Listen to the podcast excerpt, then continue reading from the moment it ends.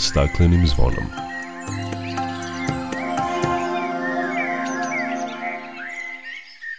Dobar dan, dobrodošli na Zeleni talas prvog programa radija Radio Televizije Vojvodine. Ja sam Dragana Ratković. Razne agencije, portali, aplikacije daju nam informacije koje ukazuju na to da su naši gradovi među najzagađenijim u svetu. Čućete kakav nam je kvalitet vazduha, šta kaže poslednji izveštaj Agencije za zaštitu životne sredine za 2022. a šta izveštaj Nacionalne ekološke asocijacije za 2023. i koji su najčešći uzroci zagađenja vazduha. Svetski dan obrazovanja o zaštiti životne sredine obeležen je 26. januara. Govorit ćemo o tome šta je cilj obrazovanja o zaštiti životne sredine i koliko mi radimo na tome. Biće reči i o jednom novom vidu turizma koji je sve popularniji u svetu i vezuje se za boravak u prirodi, ali i vodi računa da se smanji ekološki otisak. Toliko u najavi o svemu opširnije nakon pozdravne pesme. Dok priroda kraj nas plače za vladarskim svojim tronom tužno vele narikače pod staklenim smo zvonom znaj vazduha više nema. Sve manje je i ozona. Protiv sebe ide čovek i to često bez pardona. Uništenju živog sveta kao da su ljudi skloni. Čovek sam je sebi meta njega ovo zvono zvoni uništenju živog sveta kao da su ljudi skloni čovek sam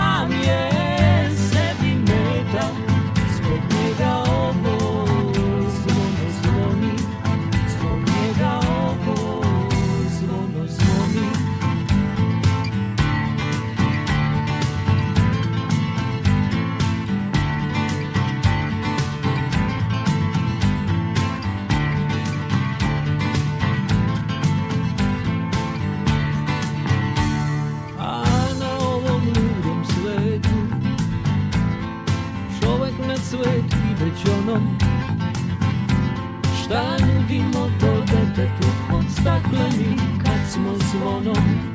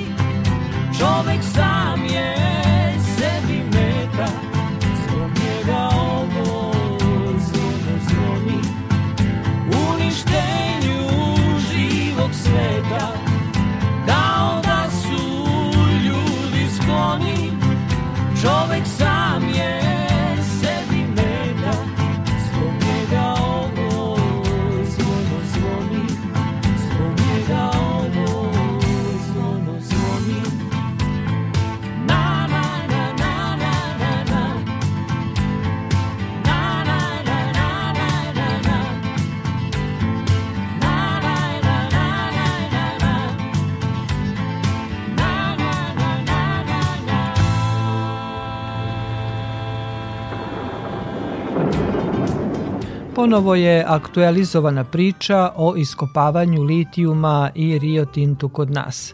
Zbog toga su meštani Gornjih Nedeljica, sela u dolini Jadar, gde su otkrivene rezerve litijuma 24. januara, održali protest ispred kompanije Rio Sava, čerke firme Rio Tinta u Loznici, gde se okupilo više desetina ljudi koji su poručili da od borbe protiv iskopavanja litijuma neće odustati. Kompanija Rio Sava reagovala je na protest izjavivši da poštuje pravo građana Srbije na miran protest, međutim, kako su napisali u saopštenju, smatraju da protest ispred informativnog centra u Loznici nastavlja trend širenja netačnih i neosnovanih optužbi na račun kompanije. Podsjetili su da je Rio Tinto javno izjavio da nastavlja razgovore sa svim zainteresovanim stranama i da podržavaju inicijative za javni razgovor o budućnosti projekta Jadar. Pre toga, predsednik Srbije Aleksandar Vučić izjavio je da odluku o investiciji Rio Tinta u projekat Jadar za dobijanje litijuma može da donese samo nova vlada Srbije, kao i da je on svoje mišljenje odavno izneo, a da prošla vlada nije prihvatila njegovu ideju.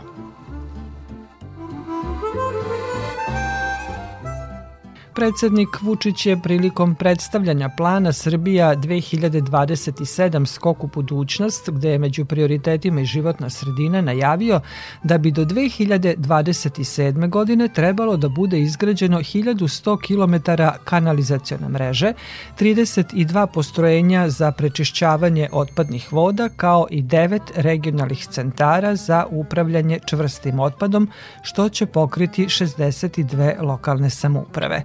Kada je reč o zagađenju vazduha, on je naveo da su osam gradova prioritet. Niš, Užice, Zaječar, Valjevo, Beograd, Kragujevac, Smederevo i Novi Pazar i da će biti zamenjeno i 200 kotlova kapaciteta od 1 do 50 MW u javnim institucijama. Počinjemo da se time bavimo na ozbiljan način, izjavio je predsednik Vučić. I u nastavku emisije govorit ćemo o kvalitetu vazduha. Razne agencije, portali, aplikacije daju nam informacije koje ukazuju na to da su naši gradovi među najzagađenijima u svetu o tome kakav nam je kvalitet vazduha, šta kaže poslednji izveštaj Agencije za zaštitu životne sredine, kakav je kvalitet vazduha u Vojvodini, da li i kakve mere se primenjuju, razgovarala sam sa pomoćnikom pokrinjskog sekretara za zaštitu životne sredine Draganom Đuricom. Iz godine u godinu, kada krene grejna sezona, obično nekako ta tema dolazi u fokus interesovanja javnosti, pa tako je bilo i sa početkom ove grejne sezone, jer smo na samom početku grejne sezone već bili zatrpani informacijama da su naši gradovi među najzagađenijim gradovima u svetu. To je period kad je zagađenje vazduha vidljivo i zbog nekih klimatskih uslova sve više iz godine u godinu smanjenje smanjenja padavina i onoga što zapravo prirodno čisti vazduh i onda mi imamo i podatke merenja koji nam pokazuju da je vazduh zagađen, a i dobro ga vidimo, vi pogotovo ovde za ove vaše pozicije sa visine možete da vidite grad kako izgleda kad je vazduh zagađen.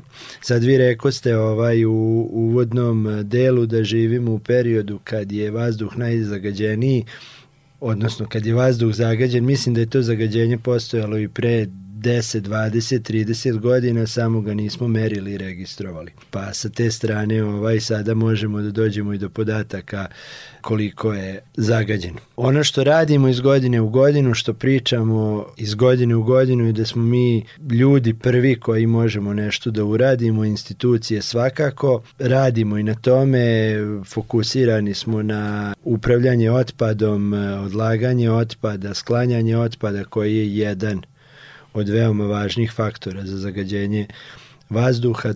Trudimo se da omogućimo svim ljudima da imaju i bolji javni prevoz, da taj javni prevoz bude ekološki, da se manje koriste motorna vozila, goriva i tako dalje a sa druge strane sprovodimo i merenja kako bi mogli da upozorimo javnost kad dođe do tih prekoračenja i kada je zagađenje vazduha zapravo najopasnije po zdravlje ljudi. Izveštaj Agencije za zaštitu životne sredine o stanju kvaliteta vazduha za 2022. pošto izveštaj se objavljuje godinu dana posle, u 2023. je nešto ranije objavljen nego godinu ovaj, pre toga, potvrđuje samo ono poznato stanje da je vazduh zagađen gotovo svuda gde gde se radi merenja i devet gradova u Srbiji beleži veće zagađenje vazduha nego najzagađeniji gradovi u Evropi. To su podaci koji su navedeni u izveštaju. Pa dobro, ja bih te podatke uzeo sa rezervom i poređenja bih ovaj gledao sa rezervom. Ne znamo mi koji su zapravo tačni podaci i na koji način predstavljaju podatke u ostatku sveta. E, ono što je sigurno gde ima industrije, gde se nešto dešava i proizvodi, zagađenje vazduha postoji. Ono što je kod nas problem veliki su individualna ložišta i možda je jedan od problema kad pričamo recimo Užicu, Valjevu i, i drugim gradovima koji su uvek na toj nekoj crnoj listi je to da zapravo oni imaju problem što već dugo vremena muku muče sa time što ne mogu da se priključe na sistem daljinskog grejanja, što bi značajno smanjilo e, zagađenje, a imamo i poređenje sa recimo Novim Sadom ili Beogradom gde je veliki broj, veliki procena domaćinstava priključen na to daljinsko grejanje, ali se još uvek i jedan dobar deo greje i koristi neka alternativna goriva za, za grevanje tokom zime, vraćamo se na to upravo zbog toga je zima period kad je zagađenje najuočljivije. Šta kažu podaci kakav je kvalitet vazduha u Vojvodini, koje su to sredine koje su najzagađenije i šta uzrokuje to zagađenje? Pa sa stručne strane se to posmatra na način e, da se meri broj dana gde je zagađenje premašilo granice dozvoljene i mi kad pogledamo na taj način i kad pogledate izveštaj od agencije Agencije zaštitu životne sredine, vidjet ćemo da postoje neki parametri koji nemaju toliko prekoračenja, odnosno imaju manji broj dana sa prekoračenjima nego, nego što je to zapravo dozvoljeno, što je dozvoljeno od Svetske agencije zaštitu životne sredine ili Svetske zdravstvene organizacije, ali ono čega treba budemo fokusirani je kad dođe do tih pikova i zagađenja, posebno u ovom periodu, da javnost bude obaveštena i da pokušamo koliko god možemo bez preke potrebe da ne izlazimo napolje i da ne provodimo toliko vremena. Mi smo, ako se sećate, i pre 20-30 godina imali uvek kad su loši klimatski uslovi te preporuke da stari bolesni ostali ne izlaze bez preke potrebe. Vlažnost vazduha, pritisak, oni osnovni e, meteorološki parametri su takođe nešto što može da, da pogoduje i da bude da ima štetan uticaj na zdravlje. U izveštaju kažu da Subotica, Sombor i Zrenjanin su imali loš kvalitet vazduha, ali početkom grejne sezone i Novi Sad je sa više ako gledamo aplikacije ili portale, vidimo da i Novi Sad sve češće u crvenom. Sigurno, naravno, ovaj, sa početkom grejne sezone se aktiviraju i ta individualna ložišta koja su zapravo e, najviše na obodima grada ako se desi ovaj da nema provetravanja i da je smanjen vetar i kada su niske temperature ne osjećamo toliko individualno hladnoću jer nema vetra, a vetar i recimo padavine u zimskom periodu, sneg ili kiša u periodima kasne jeseni su nešto što pogoduje pročišćavanju vazduha. Dakle, ništa se mnogo nije promenilo, vazduh je zagađen, kao što rekao smo, tamo gde se rade merenja, verovatno da imamo više mernih stanica, na više merenja bi možda i više bi ovaj, pokazali da vazduh nije idealan, ali šta nam je činiti? Krajem 2022. godine je donet program kvaliteta vazduha, dakle jedan dokument koji smo dugo čekali, za koji smo uh, smatrali da će primenom mera biti smanjeno zagađenje, da će imati čistiji vazduh, međutim ta situacija nam se ponavlja. Šta se čini evo u, u Vojvodini da se smanji zagađenje i da se poboljša kvalitet vazduha koji tekako utiče na zdravlje ljudi? Pa ako se osvrnemo i na taj dokument o kom govorite i na druge dokumente koje, koji se lokalno donose i koji podrazumevaju neke mere za smanjenje zagađenja vazduha, možemo da vidimo da u tim dokumentima zapravo jesu prave procene oko toga šta je potrebno raditi.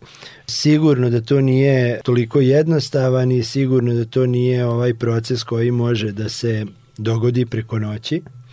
Mi zapravo imamo taj problem što moramo mi kao ljudi da postanemo svesni i zagađenja vazduha i zagađenje kompletno životne sredine i svega onoga što uzrokuje one stvari koje su nepovoljne po naše zdravlje. E, mi smo ti prvi koji treba i da smanjimo korišćenje motornih vozila, mi smo ti koji kad govorimo o individualnim ložištima treba da razmišljamo o tome da ukoliko imamo mogućnost koristimo e, čistija goriva, a onda nakon toga će biti institucijama lakše da neke druge stvari urade koje su njihove nadležnosti imamo. Dešavaju se neki pomaci gde se i sekretarijat pa i ministarstvo energetike daje subvencije za solarne panele, za izolaciju uvek se radi na čišćenju divljih deponija, sadnji zelenila.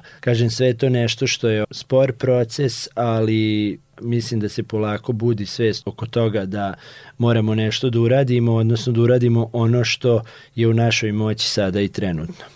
Šta pokrajinski sekretarijat za zaštitu životne sredine ovaj, e, planira u 2024. godini da preduzme po pitanju poboljšanja kvaliteta vazduha? Pa mi kao institucija i odnosno sekretarijat naše nadležnosti da vršimo merenja. Mi vršimo merenja kao dopunska merenja jedinicama lokalne samouprave.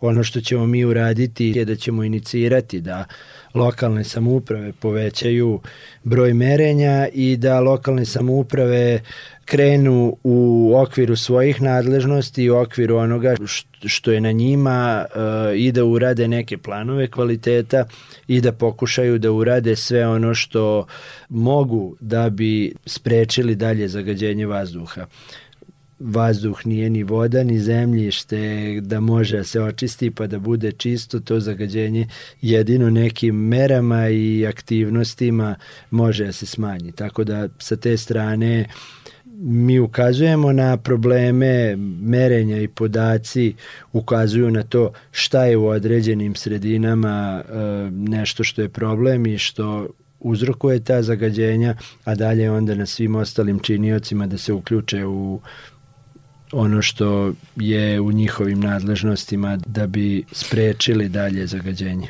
Ono što sigurno interesuje ovaj, građane je to da li ovi podaci koji se objavljaju uh, na portalima, raznim aplikacijama i koji rade razne agencije, a nisu ovaj, državne, u mnogome se razlikuju od onih podataka koje se objavljaju e, na sajtu Agencije za zaštitu životne sredine, koliko takvi podaci jesu pouzdani. Ti podaci zapravo uopšte nisu pouzdani, ti podaci su vrlo indikativni i jedini tačni podaci koji mogu da se uzmu ovaj, u razmatranje su podaci E, Agenciju zaštitu životne sredine Republike Srbije, Pančeva koja ima merenja, grad Beograd koja ima merenja, sekretarijata za urbanizam i zaštitu životne sredine odakle ja dolazim, ne zato što su to isključivo državne institucije, nego zbog toga što koriste opremu koja je akreditovana i koja je, čija namena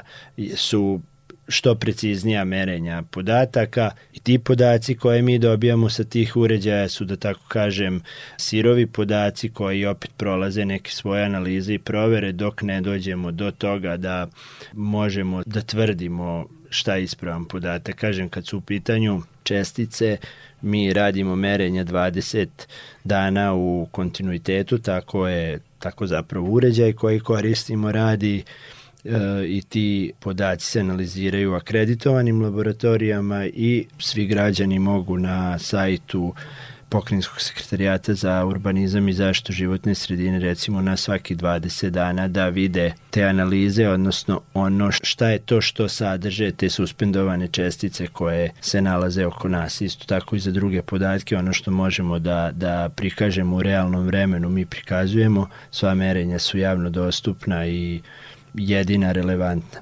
Što se tiče aplikacija, kažem, nisu pouzdani jer mi ne znamo sa kakvim uređajima se mere, svakako da jesu indikativni, ali nekada mogu da stvore više paniku nego što zapravo jesu tačni. Da, zagađenje ne postoji samo ove, kod nas, postoji u zemljama u okruženju, ali i u Evropi, kažu Evropska agencija za zaštitu za životne sredine, da se kvalitet vazduha s godinama e, poboljšava, ali da ipak oko 238.000 ljudi umire zbog posledica zagađenja vazduha u Evropskoj uniji. Dakle, i tekako značan podatak. Hvala vam lepo za razgovor, bilo nam je važno da znamo kakav kvalitet e, vazduha imamo, ali činjenica je dakle da tokom e, zimske sezone taj kvalitet vazduha je sve lošiji, da je on zagađeniji i na kraju krajeva tamo kao što ste jednom prilikom rekli, prilikom gostovanja kod nas, gde god bi postavili merne stanice zabeležili bi neko zagađenje. Apsolutno. Ja bih rekao tamo gde nema zagađenja sigurno je i da se ne vrše merenje. Da. Hvala vam lepo za razgovor i učešću u programu Radio Novog Sada. Hvala vam.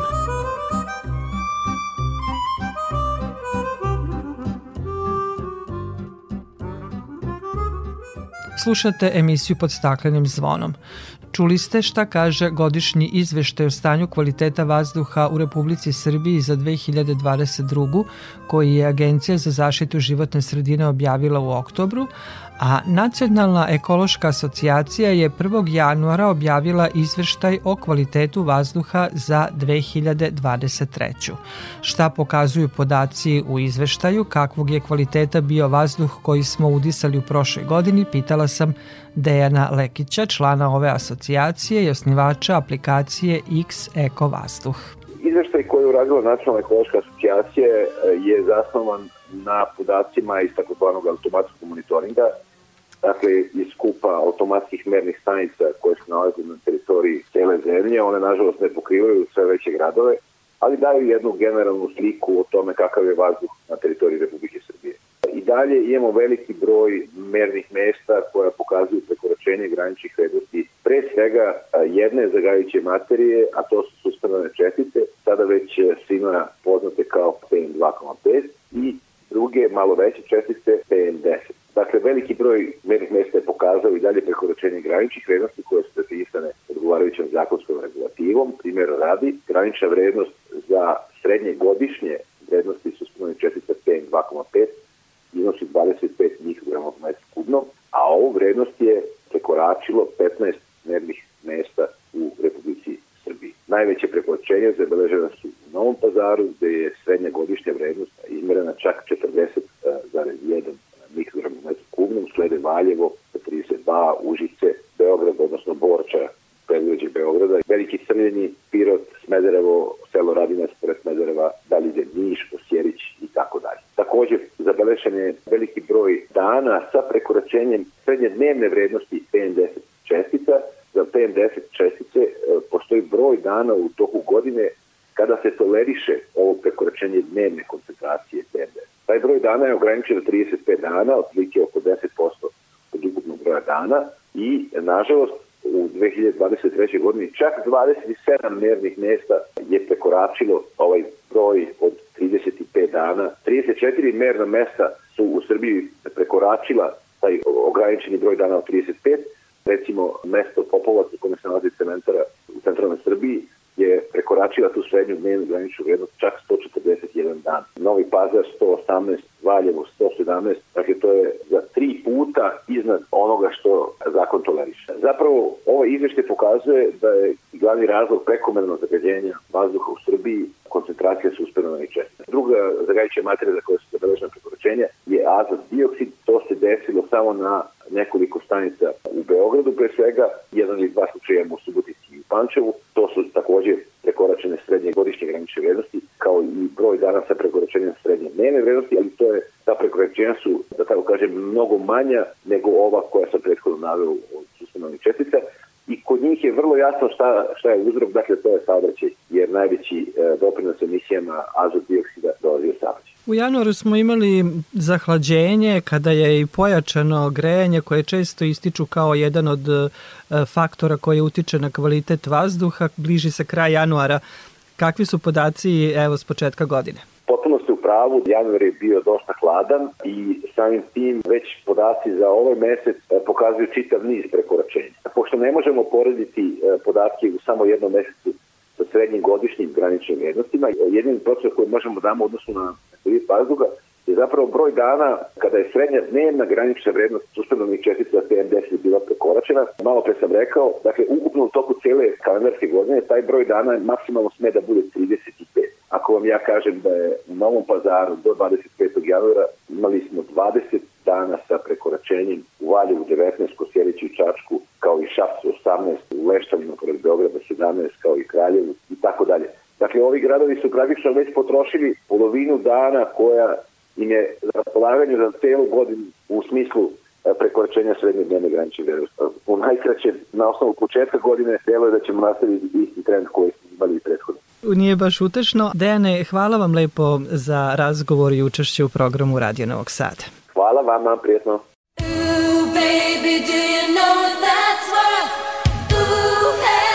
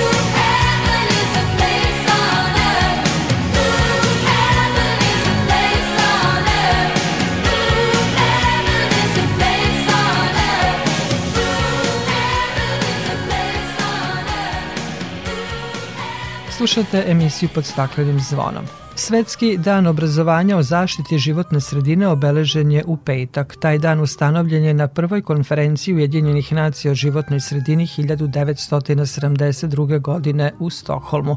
Tada je doneta deklaracija kojom se naglašava potreba za obrazovanjem o ekološkim problemima.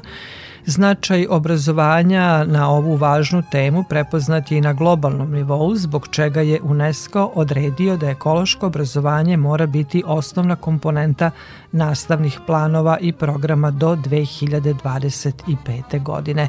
Šta je cilj obrazovanja o zaštiti životne sredine i koliko mi radimo na tome, saznaćemo iz razgovora sa direktorom Departmana za biologiju i ekologiju Prirodno-matematičkog fakulteta u Novom Sadu, Goranom Anačkovim. Kažu, znanje nam niko ne može oduzeti, ali, ali nam neznanje može oduzeti životnu sredinu. Zbog čega je važno obrazovanje o zaštiti životne sredine i šta ono podrazumeva?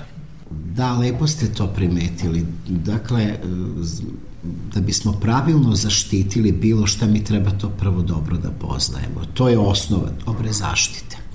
Dobra zaštita, e, efikasna zaštita i kontinuirana zaštita možda ne bi bila ni potrebna da smo možda i na vreme upoznali živi svet oko sebe kako treba i pravilno se odnosili prema njemu. Međutim, svedoci smo života u modernom vremenu gde je neophodno da se bavimo zaštitom prirode kako bismo je sačuvali za buduće generacije. Obrazovanje u sistemu zaštite prirode je jedna od važnih komponenti. Ja mogu da istaknem još jedan moment vrlo važan.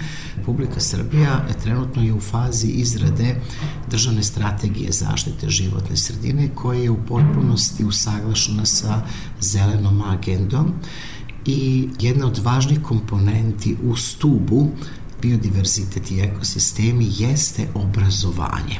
Obrazovanje i nauka zajedno sa obrazovanjem. Što se tiče obrazovanja, pre, predviđa se da su u budućnosti izradi kompletna revizija nastavnih programa i njihovo unapređenje, posebno iz oblasti zaštite životne sredine i zaštite prirode generalno, a što se tiče nauke, povećanje broja istraživačkih projekata koji će omogućiti bolje poznavanje prirode, bolje poznavanje životne sredine i samim tim efikasniju zaštitu. Pre više od 50 godina na prvoj konferenciji Ujedinjenih nacija u Stokholmu je doneta odluka da se 26. januar proglasi za Svetski dan obrazovanja o zaštiti životne sredine, a samo nekoliko godina kasnije u Beogradu je održan jedan međunarodni seminar koji je bio posvećen tome. Mi na neki način smo potvrdili koliko je obrazovanje važno za zaštitu životne sredine, koliko smo mi uspeli da u naš obrazovni sistem uključimo obrazovanje o zaštiti životne sredine. Da, tako je. Srbija može da se ponosi time što je bila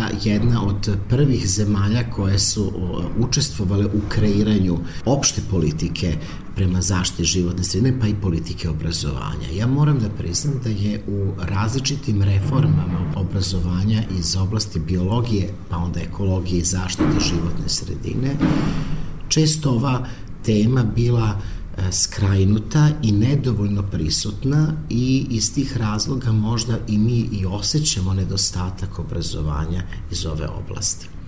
U jednom periodu je to postalo vrlo popularno i onda je na različitim nivoima počelo da se i priča i radi na obrazovanju i različitim i nastavnim i studijskim programima iz oblasti zaštite životne sredine, međutim, moram da primetim da to nije bilo sinhronizovano. E sada, kada nije sinhronizovano i kada nije dobro organizovano, onda kao rezultat svega toga imate jednu purifikaciju profila koji su obrazovani iz šire oblasti zaštite životne sredine, a možda nisu na pravi način usmereni. Mi na Departmanu za biologiju i ekologiju Prirodno-matematičkog fakulteta Univerzitetu u Novom Sadu. Specijalizovali smo se za oblast zaštite prirode koja je jedna od komponenti zaštite životne sredine, tako da u poslednjoj reviziji studijskog programa biolog, ekolog, molekularni biolog ova komponenta je dobila sasvim drugu dimenziju Posebno mogu da istaknem da je studijski program Ekolog, koji je sad u postupku akreditacije, u potpunosti revidiran i usaglašen sa modernim tendencijama u oblasti zaštite prirode. Kao što sam naglasio na početku, radeći na strategiji zaštite životne sredine u okviru stubova zelene agende, imate pet stubova, jedan od stubova je zaštita prirode u smislu ulaganja u biodiverzitet i ekosistem. I onda smo kao biologija prepoznali ovu komponentu i upravo smo radili na usavršavanju tih studijskih programa. Takav trend pratili su i druge kuće.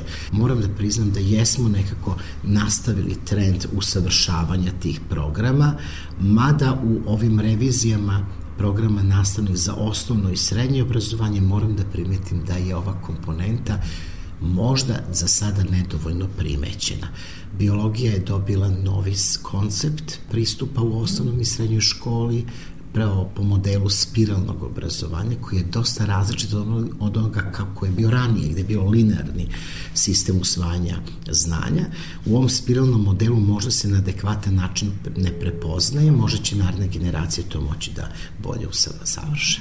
Koliko su mladi zainteresovani za ove obrazovne profile? Nažalost, na našim studijama sve manje. Nekako možda je povećeno interesovanje iz oblasti inženjerstva i za zašte života sredina na fakultetu tehničkih nauka i drugim srodnim fakultetima, ali na biologiji gde zaštita prirode nekako opada.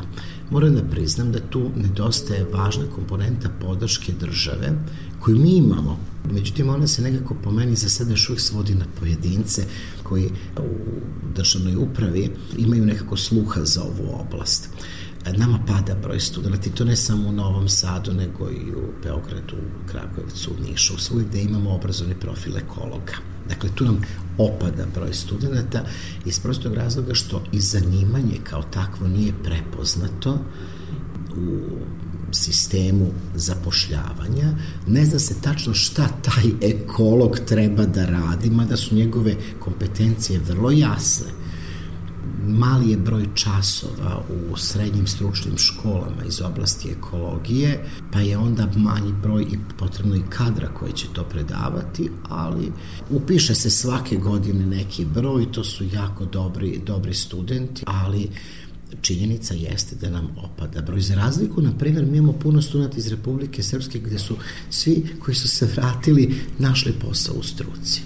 A ovde nekako kod nas kao da se ne prepoznaje dovoljno ili i ima dovoljno kadra i to je takođe moguće. Ako gledamo po nekim lokalnim samoupravama nedostaju kada je reč e, o ovim profilima, a eto vi kažete da ih nekako ne prepoznaju jer pa u nekim lokalnim samoupravama nemate čoveka koji je zadužen za zaštitu životne sredine, a eto svršenih studenta ima. Tako je, znate ta sistematizacija radnih mesta u upravama u lokalnoj samoupravi nekada možda i objedini neke aktivnosti u liku liku jedne osobe koje to treba da izvodi i onda ajde i ta ekologija, znate, neka, nekako ide kod nekoga ko za to nije stručan. Mi smo uvek sretni kada se nama jave naše bivši studenti koji su dobili posao u struci, pogotovo govorimo o tim ekolozima koji eto, zaposlio sam se u, u opštinskoj upravi, zaduže sam za to i to, pa mu treba pomoć i tako dalje. E, to je jako lepo i ima takvih situacija, to je, to je izuzetno. Na početku smo rekli koliko je znanje važno kada je reč o, o zaštiti životne sredine i da nam nedostatak znanja može stvoriti neke probleme u životnoj sredini. Da li je to možda i razlog što imamo ovako brojne ekološke probleme? To ste apsolutno pravo. Znači, e, nema ko da ši širi tu ideju, nema ko da priča ako nemamo dovoljno kadra i ako ni nemaju prostor gde bi to radili na adekvatan način naša saradnja sa mnogim institucijama i sa e, nevladinim organizacijama iz ove oblasti je jedna dimenzija svega toga. Međutim, aktivan rad u, nekoj od, u nekom od e, upravnih sistema, u nekom od strukturnih sistema države bi značajno napredio podizanje svesti javnosti. A to je nešto bez čega ne možemo. Znate, prvo, mi nećemo moći dobiti ni mlade studente koji su zainteresovani koliko oni ne budu blagovremeno informisani na adekvatan način. Mi možemo da idemo po školama da pričamo o svemu tome, međutim, ako nemate podršku šire zajednice, onda se to ne vidi u nekom sistemu. Ne možete da prepoznate, roditelji se brinu za svoju decu, ma nemoj na to ići, iako možda dete pokazuje sklonosti nemoj na to ići, bolje idi na nešto drugo, sada su trenutno popularne IT nauke, tako dalje, i onda nekako ovo bude u drugom planu. Mi smo sada krenuli u jednu lepu priču, gde biti prva medijska kuća, odnosno prvi medijski program koji će to zvanično belodaniti. Znači, mi smo dobili akreditaciju svega toga u smislu da je završen postupak, mi čekamo rešenje i prva visoko obrazovna institucija u Srbiji koja će imati studijski program, predmeti iz oblasti bioinformatike. Bioinformatika kao jedna potpuno nova disciplina koja u svom samom nazivu nosi taj deo informatika koji danas je poprično aktuelan i popularan, je nešto što je nama prvo neophodno u sistemu nauke, e, drugo neophodno u sistemu različitog oblasti napretka u društva i treće nama kao fakultetima koji mogu, koji su sposobni da obrazuju taj kadar, dovršće nove studente.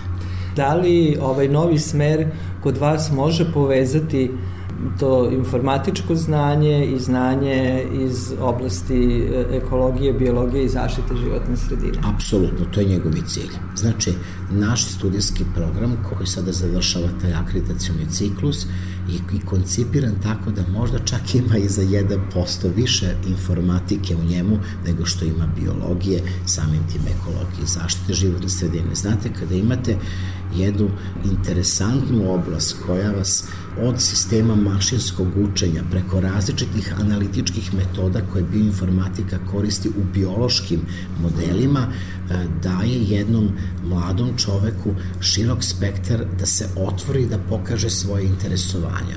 Svaki bioinformatičar radi sa veoma interesantnim podacima, znate, bilo da je on u oblasti e, strukturne biologije, u oblasti citologije, u oblasti genomike, ili da ne kažem onda jedan veliki spektar koji upravo se dotiče teme koju smo načeli na početku, a to je zaštita prirode i zaštita životne sredine, predikcija situacija, simulacija modela, šta bi sve moglo da se dogodi, simulacija evolucionih promena, to je jedan prostor koji omogućava u današnje vreme, zahvaljujući savremenim tehnologijama, da se nešto što je bila dečija, studentska, pa možda i naša istraživačka mašta realizuje i vizualizuje, da vi to možete da vidite.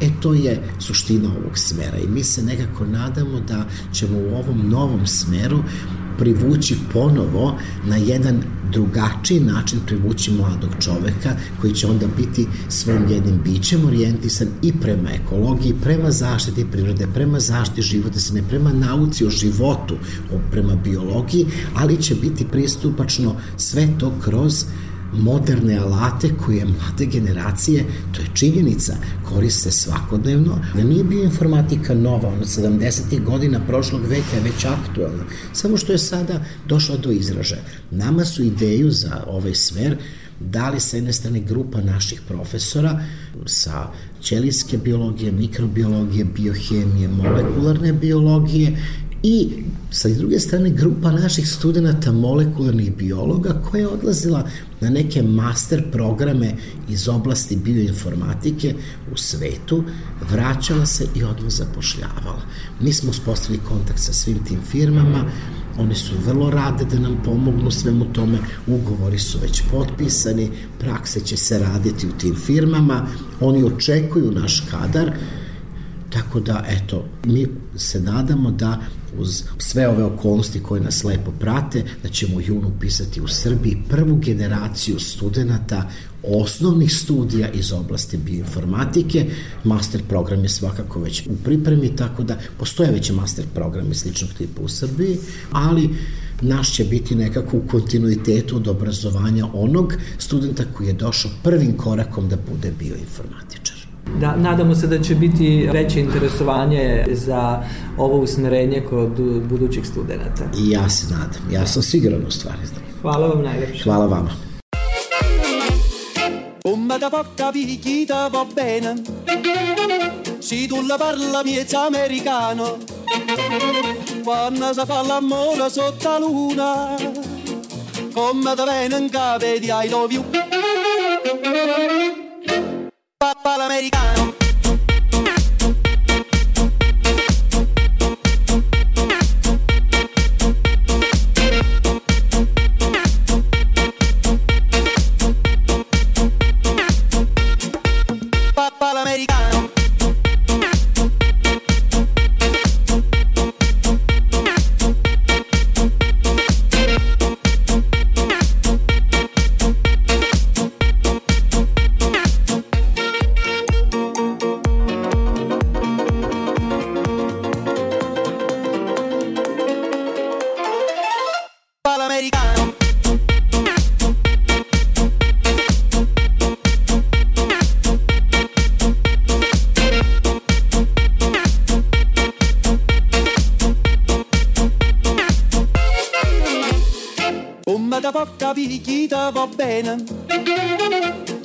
la parla miezza americano, quando si fa l'amore sotto la luna, come da bene in capo di I love you.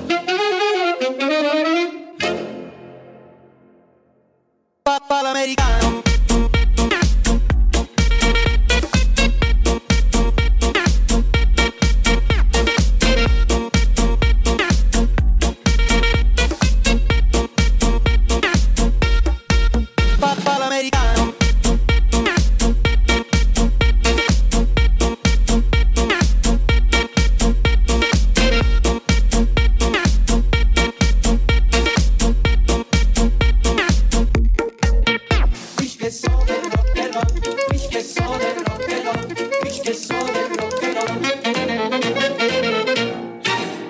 Slušate emisiju pod staklenim zvonom. Organizovani odlazak u prirodu na zanimljive destinacije uzima sve više maha. Razlikuje se od klasičnog turizma po tome što nema hotela i apartmana, već se gotovo sva aktivnost obavlja u prirodi. Spava se u šatorima ili bungalovu i jede se u prirodi. Ovaj vid boravka u prirodi zahteva i fizičku spremnost samih učesnika.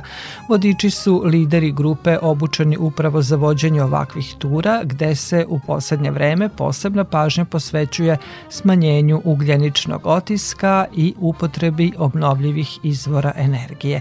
Više o tome Vlado Matijević.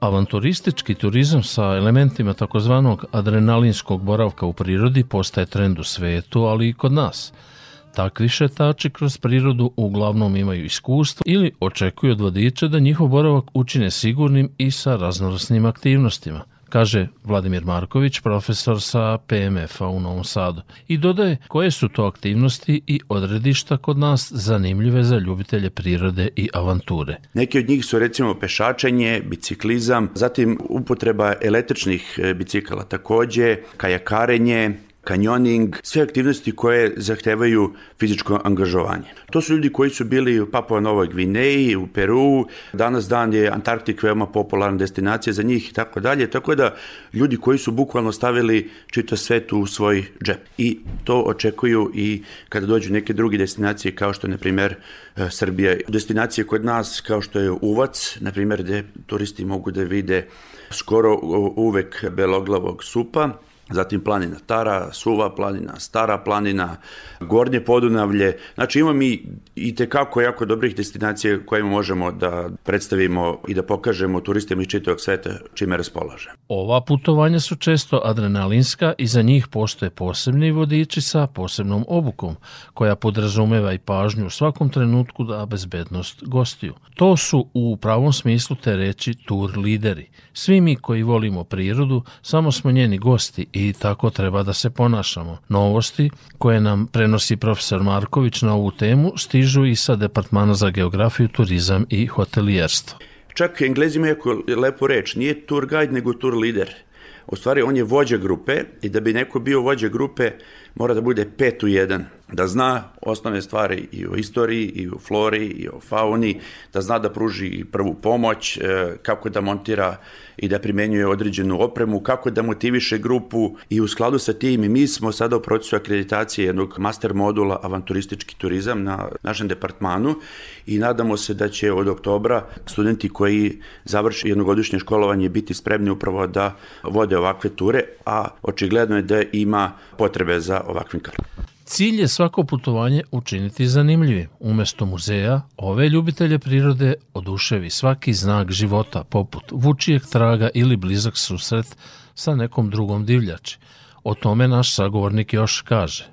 Znate, kad, kad nađete neku reku gde možete da, da uzmete vodu, da sipate i onda ovim turistima objašnjate da vam ne treba jakni ugled koji čisti vodu, možete da, da sipate bez tog uglja, onda oni jednostavno mogu da veruju ili, na primjer, kad nađemo neke tragove životinja, pa smo videli otiske od vuka, i onda su jedna grupa holandžana, oni su bili oduševljeni, i onda ja kažem da, da trećina populacije evropske živi na Balkanu, da ih mi samo u Srbiji imamo između 800 i 1000, oni ostanu zapanjeni, jednostavno ne mogu da veruju, pa onda da, da je medved normalna pojava Bosni i Hercegovini, Crnoj Gori, u, u Srbiji i naravno i kad vidimo šape i otiske, to je onda jedno opšte oduševljenje. Ono na što se vrlo često pozivaju ljubitelji boravka u prirodi jeste korišćenje obnovljivih izvora energije poput solarnih panela, pomoću kojih se, na primjer, ugreje voda u bungalovima ili obezbedi osvetljenje. Pomenute ture u prirodi prate se pomoću takozvanog ugljeničnog otiska, koji predstavlja merilo emisije gasova sa efektom staklene bašte svakog od nas. To nije samo naše disanje, već i upotreba adekvatnih prevoznih sredstava koje emituju manje CO2 ili upotreba električnih vozila, kaže profesor Marković. Ekološka komponenta je danas veoma bitna. Za jedno deseta godina, 15, mislim da će sva turistička putovanja imati na sebi podatak koliki je ugljenični otisak. Odnosno, šta to znači? Koliko ja kao turista, kada negde putujem, koliko ću ja kilograma ugljenika da pustim u atmosferu.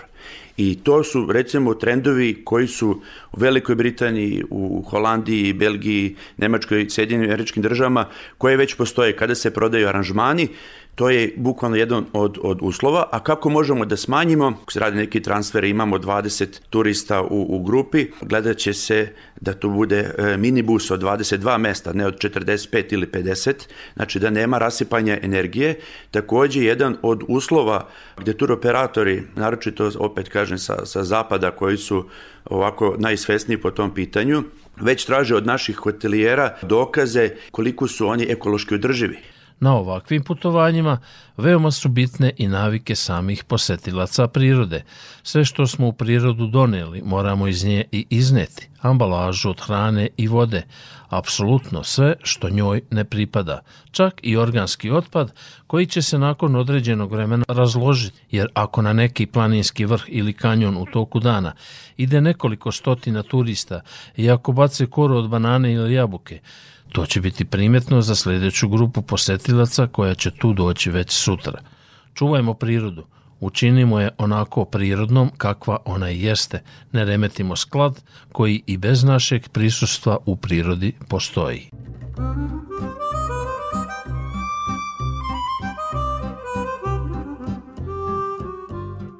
Toliko u ovom izdanju emisije pod staklenim zvonom koju možete slušati i odloženo na podcastu Radio Televizije Vojvodine na adresi rtv.rs. Na pažnji vam zahvaljuju Sabina Nedić, Maja Tomas i Dragana Ratković. Naredni susret zakazujemo za sedam dana u isto vreme na zelenom talasu prvog programa radija Radio Televizije Vojvodine.